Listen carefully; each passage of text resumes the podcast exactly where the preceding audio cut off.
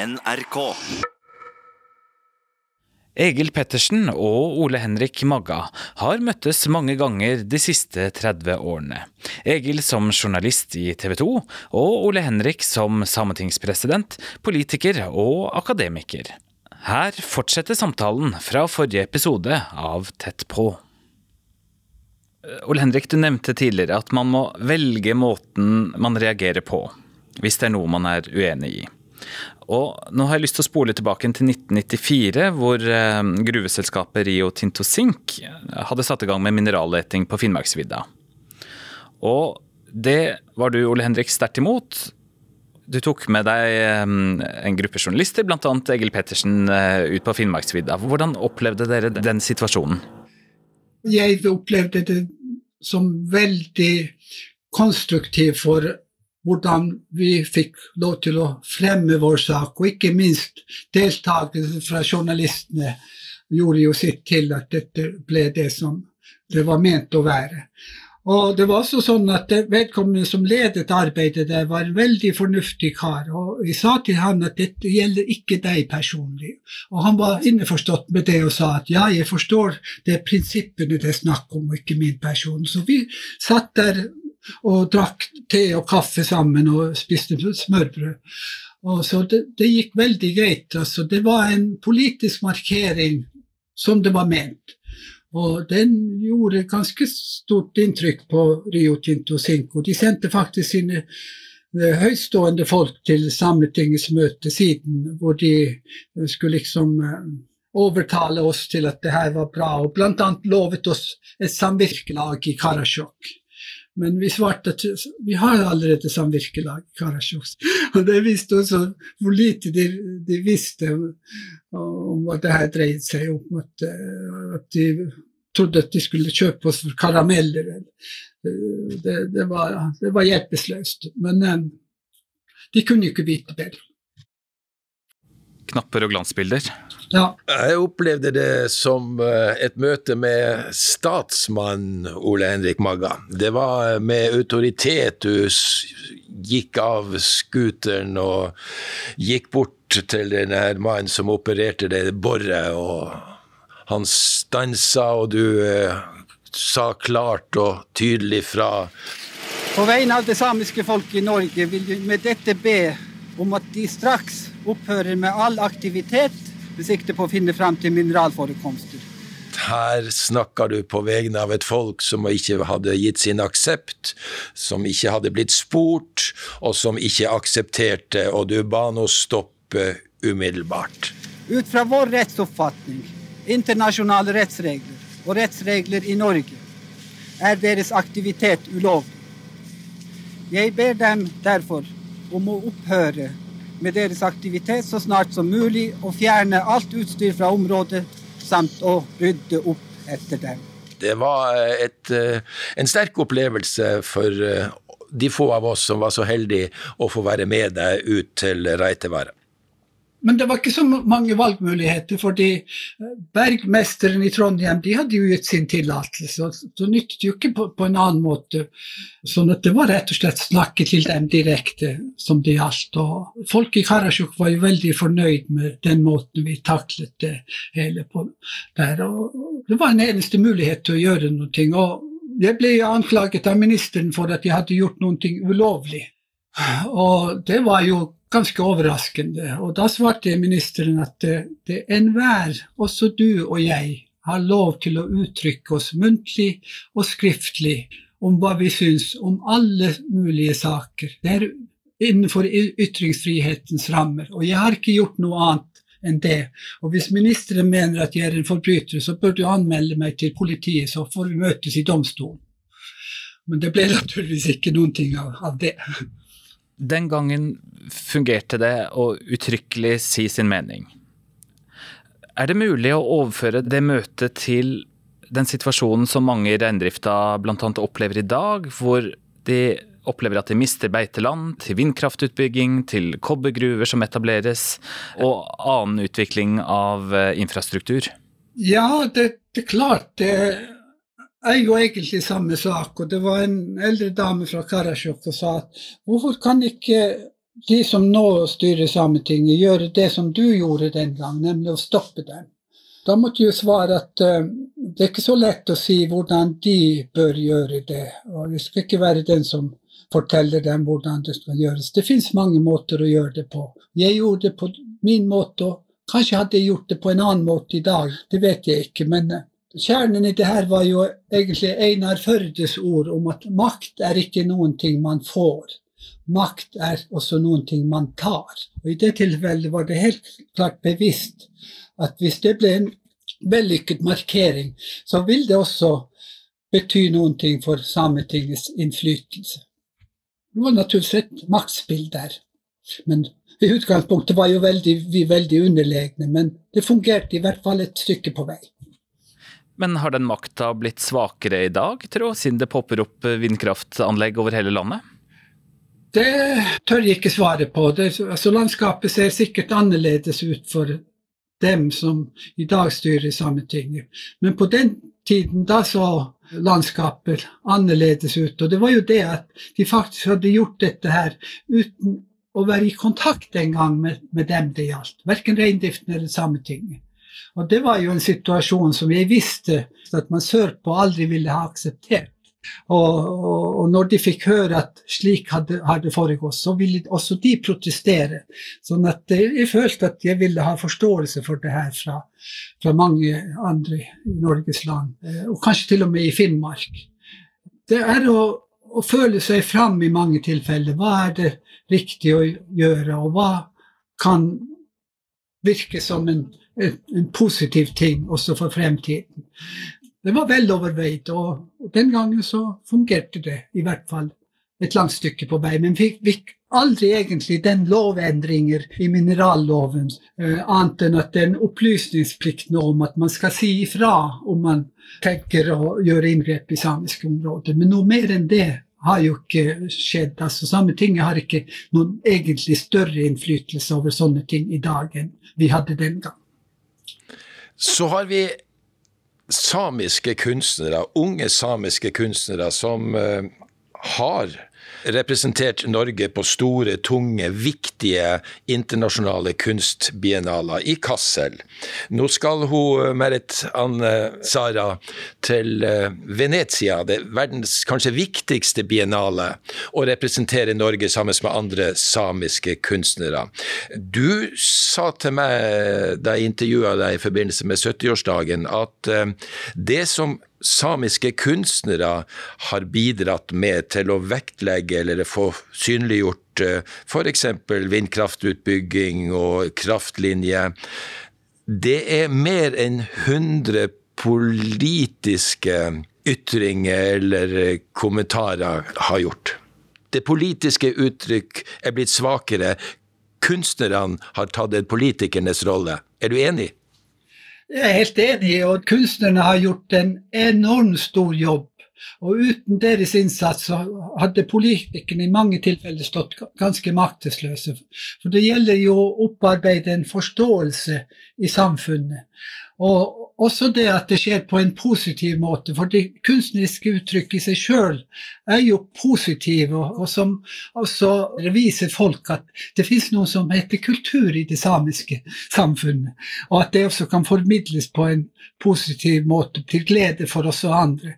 Sånn at det, det står jeg ved, og det har, det har sin sannhet også i dag, at uh, kunstnerne har en enormt stor innflytelse og gjør mye av det som politikerne ikke makter å få til. Og dette er ikke noe nytt. Det samme hadde jo skjedd i andre samfunn. Det norske er jo også uten Ibsen og Bjørnson og Grieg og alle de andre, som jo har støttet opp om den den utviklingen av et selvstendig norsk eh, samfunn.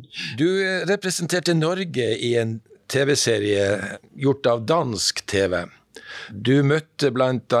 andre tenkere, eh, professorer eh, fra hele Europa.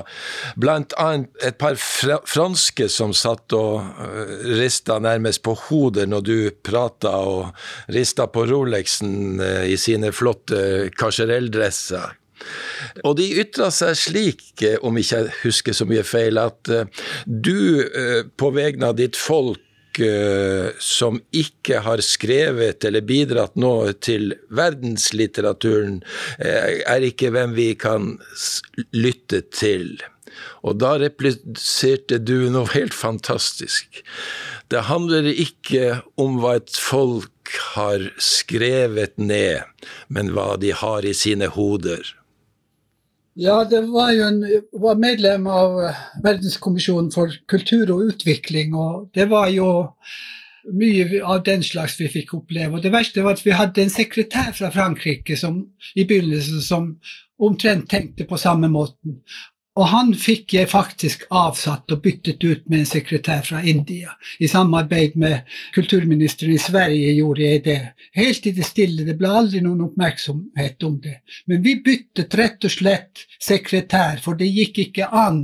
Og Peres de Cuellar var leder, og denne sekretæren hadde laget et utkast. Og da sa jeg til Peres de Cuellar jeg skriver ikke under på dette utkastet, og jeg råder deg, du har et navn i verden, heller ikke du bør skrive under på dette, for det vil ødelegge ditt navn eh, for fremtiden. Sånn at eh, vi greide faktisk å, å, endre, og jeg hadde støtte fra fire damer fra Japan, fra Hellas, fra Egypt.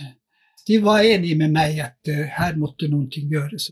Og vi ble møtt med det at uh, uten at man kan lese fransk, og i hvert fall europeisk litteratur, så har man ingen kultur. Og det trodde jeg faktisk ikke var at det var så ille i Frankrike. Og jeg tror ikke det gjelder alle franskmenn, sånn, men akkurat de som vi møtte den gang, hadde en veldig gammeldags forestilling om hva kultur er. For naturligvis akkurat det jeg sa, at Folk har det i sitt hode, og det har altså, tradisjoner og fortellinger fra gammelt av, og den verdiopplevelsen man lever i. Alt det er kultur. Altså, kultur er så vidt at uh, det går omtrent ikke an å si at, hva som ikke er kultur. Og Det er jo det som er vanskelig med kulturbegrepet. Det er så altomfattende. Men det går an å tenke også deler av kultur og argumentere for det.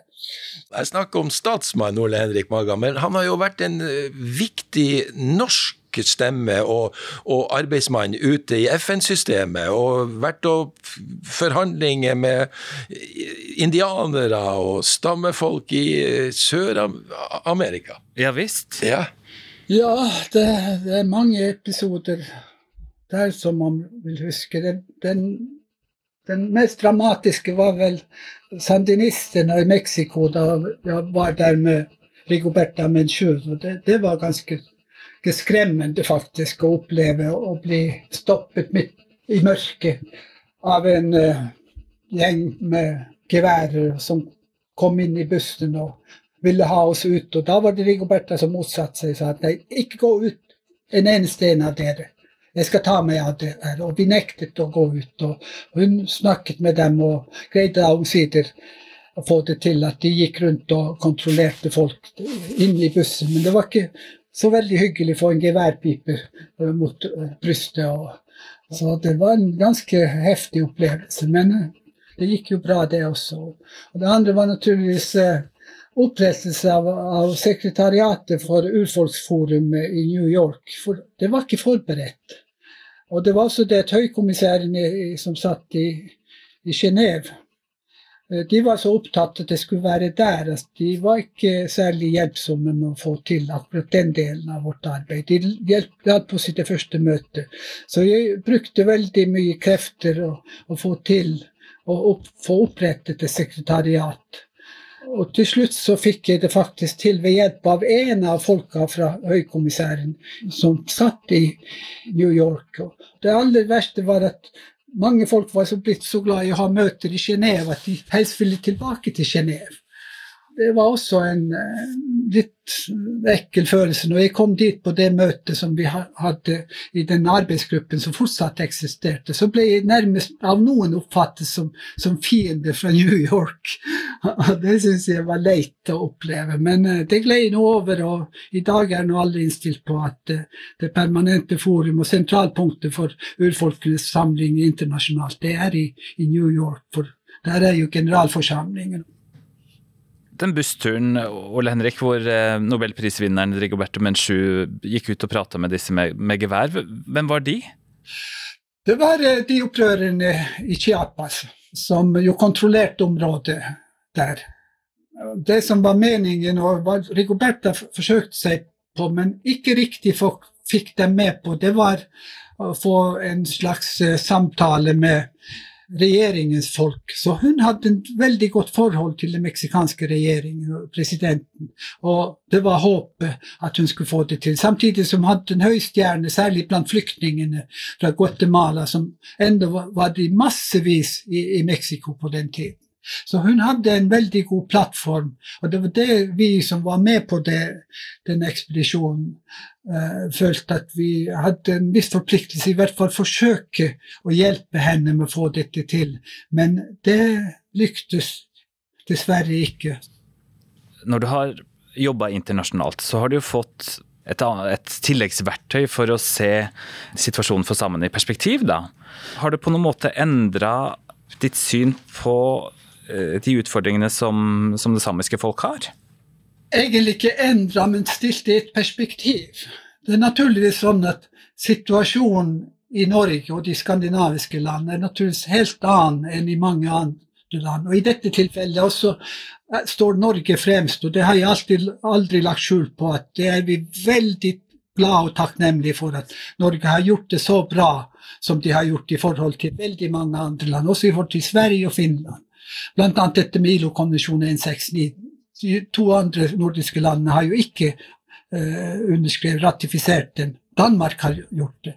Sånn at Norge er i en særstilling. Men det gjør også at Norge har et ansvar i forhold til resten av verden, også i forhold til sin minoritet, for å vise også andre hva som kan gjøres, og hvordan det bør gjøres så har jeg jo møtt den argumentasjonen sier at ja, men siden samene har det jo så bra, mye bedre enn alle de andre urfolkene ute i verden, så samene skal vel ikke klage. Og da har jeg svart, og svarer fremdeles, at ja da, vi er klar over det. Vi i Norge har det mye bedre enn andre folk i verden. Og jeg skal være enig med dere den dagen f.eks. at LO sier at nei, vi vil ikke kreve høyere lønn. Tvert imot, vi vil gå ned i lønn til det nivået som andre arbeidere i andre land har. Eh, og da skal vi også redusere våre krav. Men det er klart at i Norge er det norske rammer som gjelder. Og det må gjelde alle borgere i Norge. Og det ville være helt merkelig om man sa at ja, det gjelder for alle andre enn for samene. De skal ikke ha samme rammer som alle de andre. Arbeidere, kulturarbeidere, eh, journalister eller hvem det nå måtte være.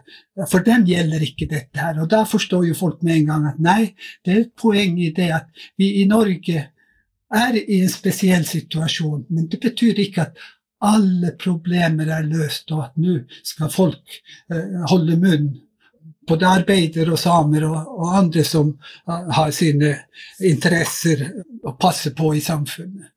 Det gjelder de samme spilleregler her, men i forhold til den virkelighet vi har i Norge, og ikke den virkelighet som finnes i mange andre land. Ole Henrik, det som uh, skjedde da Karasjok kommune erklærte et slags sjølstyre, og konsekvensene av det, om det samme skjer i Tana, i Kautokeino, hvilke tanker har du gjort deg om det?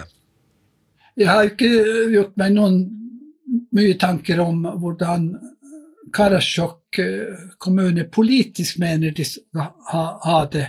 Det som vi har arbeidet med og lagt en innstilling på, det er eiendomsretten til, til jorda. Hvem er det som egentlig er den rette eier? Og konklusjonen fra kommisjonen er veldig klar. Det er de som har brukt jorda fra langt, langt tilbake i tid. De er fortsatt å anse som eiere av den jord som ligger innom Karasjok kommunes grenser. Og det er opp til dem å bestemme hvordan dette skal forvaltes og brukes. Og det er det som vil være selve utfordringen her. Hvordan rettssystemet takler den saken. Og Karasjok kommune er jo selv innforstått med det, og de sjøl har jo fremmet krav om det at det er Karasjok kommune og innbyggerne i Karasjok som eh, er direkte forvaltere. Nå er det formelt sånn at det ikke er Karasjok kommunestyre som vil være forvalteren. Det er faktisk de menneskene som bor der. Det er også en, en rettsregel som gjelder i, i Norge. Det er ikke, Kommuner kan ikke opptre som jordeiere på vegne av befolkningen. Det har vi saker av i, i Sør-Norge.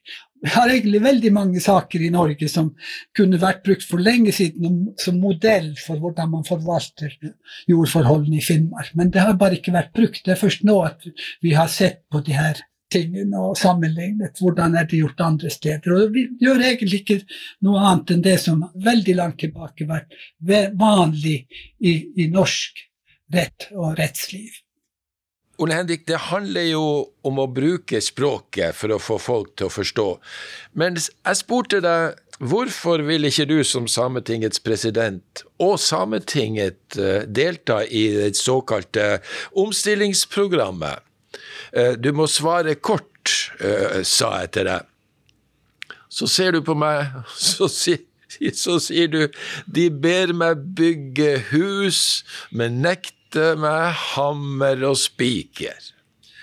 Det husker jeg veldig godt. Det var på flyplassen i Tromsø jeg gikk av flyet og skulle svare kort på et veldig vanskelig spørsmål. Og da tenkte jeg skulle fortette det. og Jeg syns fortsatt det ga uttrykk for det som jeg mente. fordi det var helt utrolig en situasjon hvor altså arbeidsplasser og Det var jo det som var mangelfullt i Finnmark, og særlig i Indre Finnmark.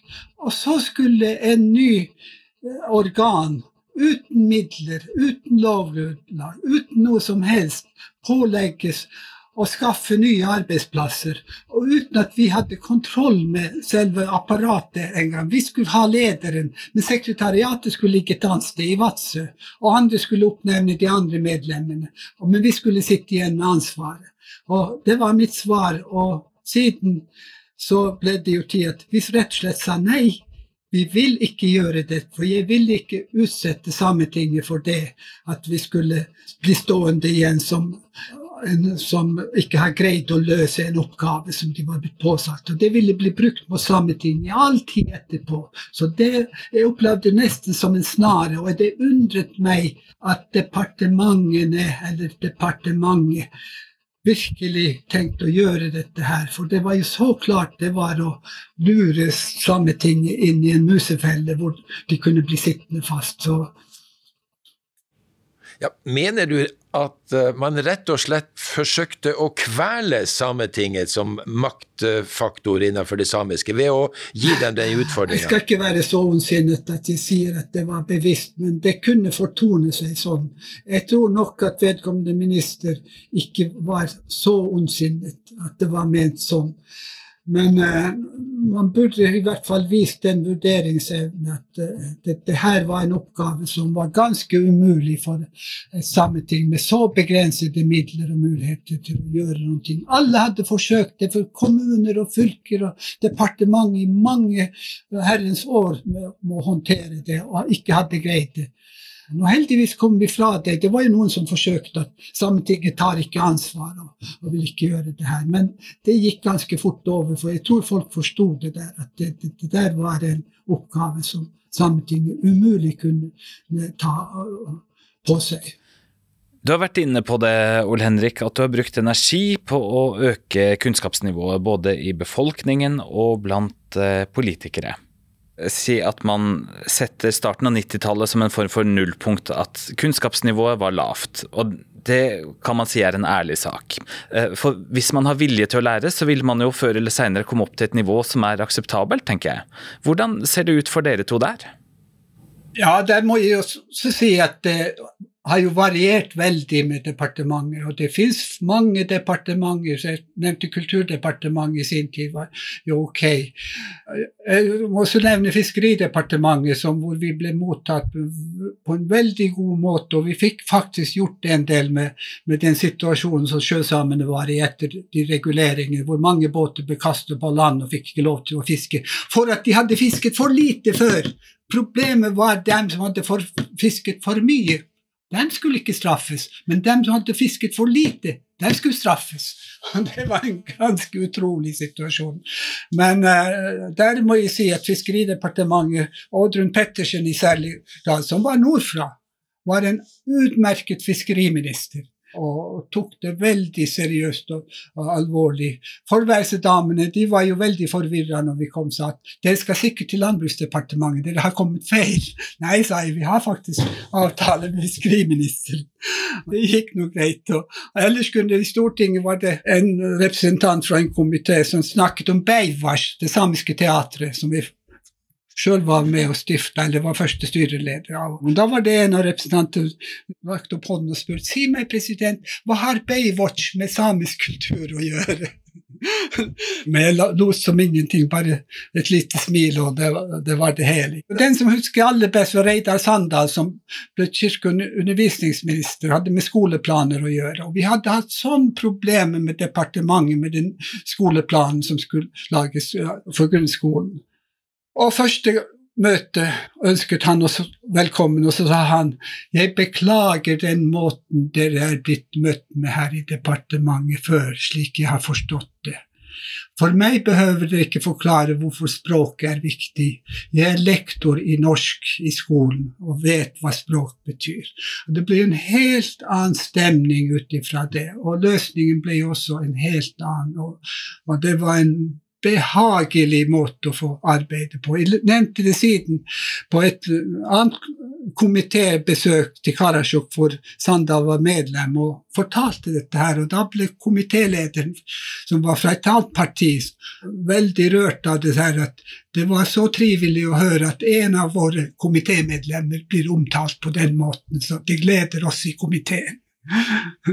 Dette er ting som kan gå litt opp og ned, men eh, Altså, mennesker er mennesker, og man må ta dem som sådan. Og da kan det være noen ganger kan det være vanskelig, noen ganger kan det være humoristisk. Og, og det, men det er egentlig mangfoldigheten i det her som man etter hvert også har en glede av når man tenker tilbake på de kontakter man har hatt.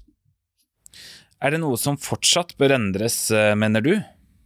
Ja, det er jo uh, mye som holder på å endres. Vi holder på å se nå på eiendomsforholdene gjorde i Finnmark. og Vi sitter sjøl i den kommisjonen. og Det blir veldig spennende å se hvordan rettssystemet reagerer på det her etter hvert, når kommisjonen legger fram sine rapporter for Finnmark. Vi har en, en stor sak som, i sin tid som gjaldt finnmarkingenes fiskerettigheter. Vi hadde en enstemmig innstilling som Karsten Smith ledet eh, arbeidet for å få til. Og den ble rett og slett lagt til side med argumentasjonen at vi må se nærmere på dette før vi kan gjøre noen ting. Og nå har det gått veldig, veldig mange år, og ingenting har skjedd på det. Og vi har også en innstilling om, om rettighetssituasjonen i Sørsameland når det gjelder sørsamenes rettighetsforhold. Der har det heller ikke skjedd noen ting med den svære innstillingen som, som ligger på bordet fra langt tilbake i tid. Så det, det er mange saker enda som står ganske uløst, av grunner som jeg ikke vet om. Det er altså fortsatt flere store spørsmål som man bør se på og, og få gjort noe med. Det er nok å ta tak i både for journalister og eh, politikere og jurister og andre som er engasjert i samisk samfunnsliv framover. Egil Pettersen og Ole Henrik Magga, tusen takk for at dere var med i Tett på. Jeg heter Svein Lian. Tett på fra NRK Sápmi er produsert av 1 til 1 Media.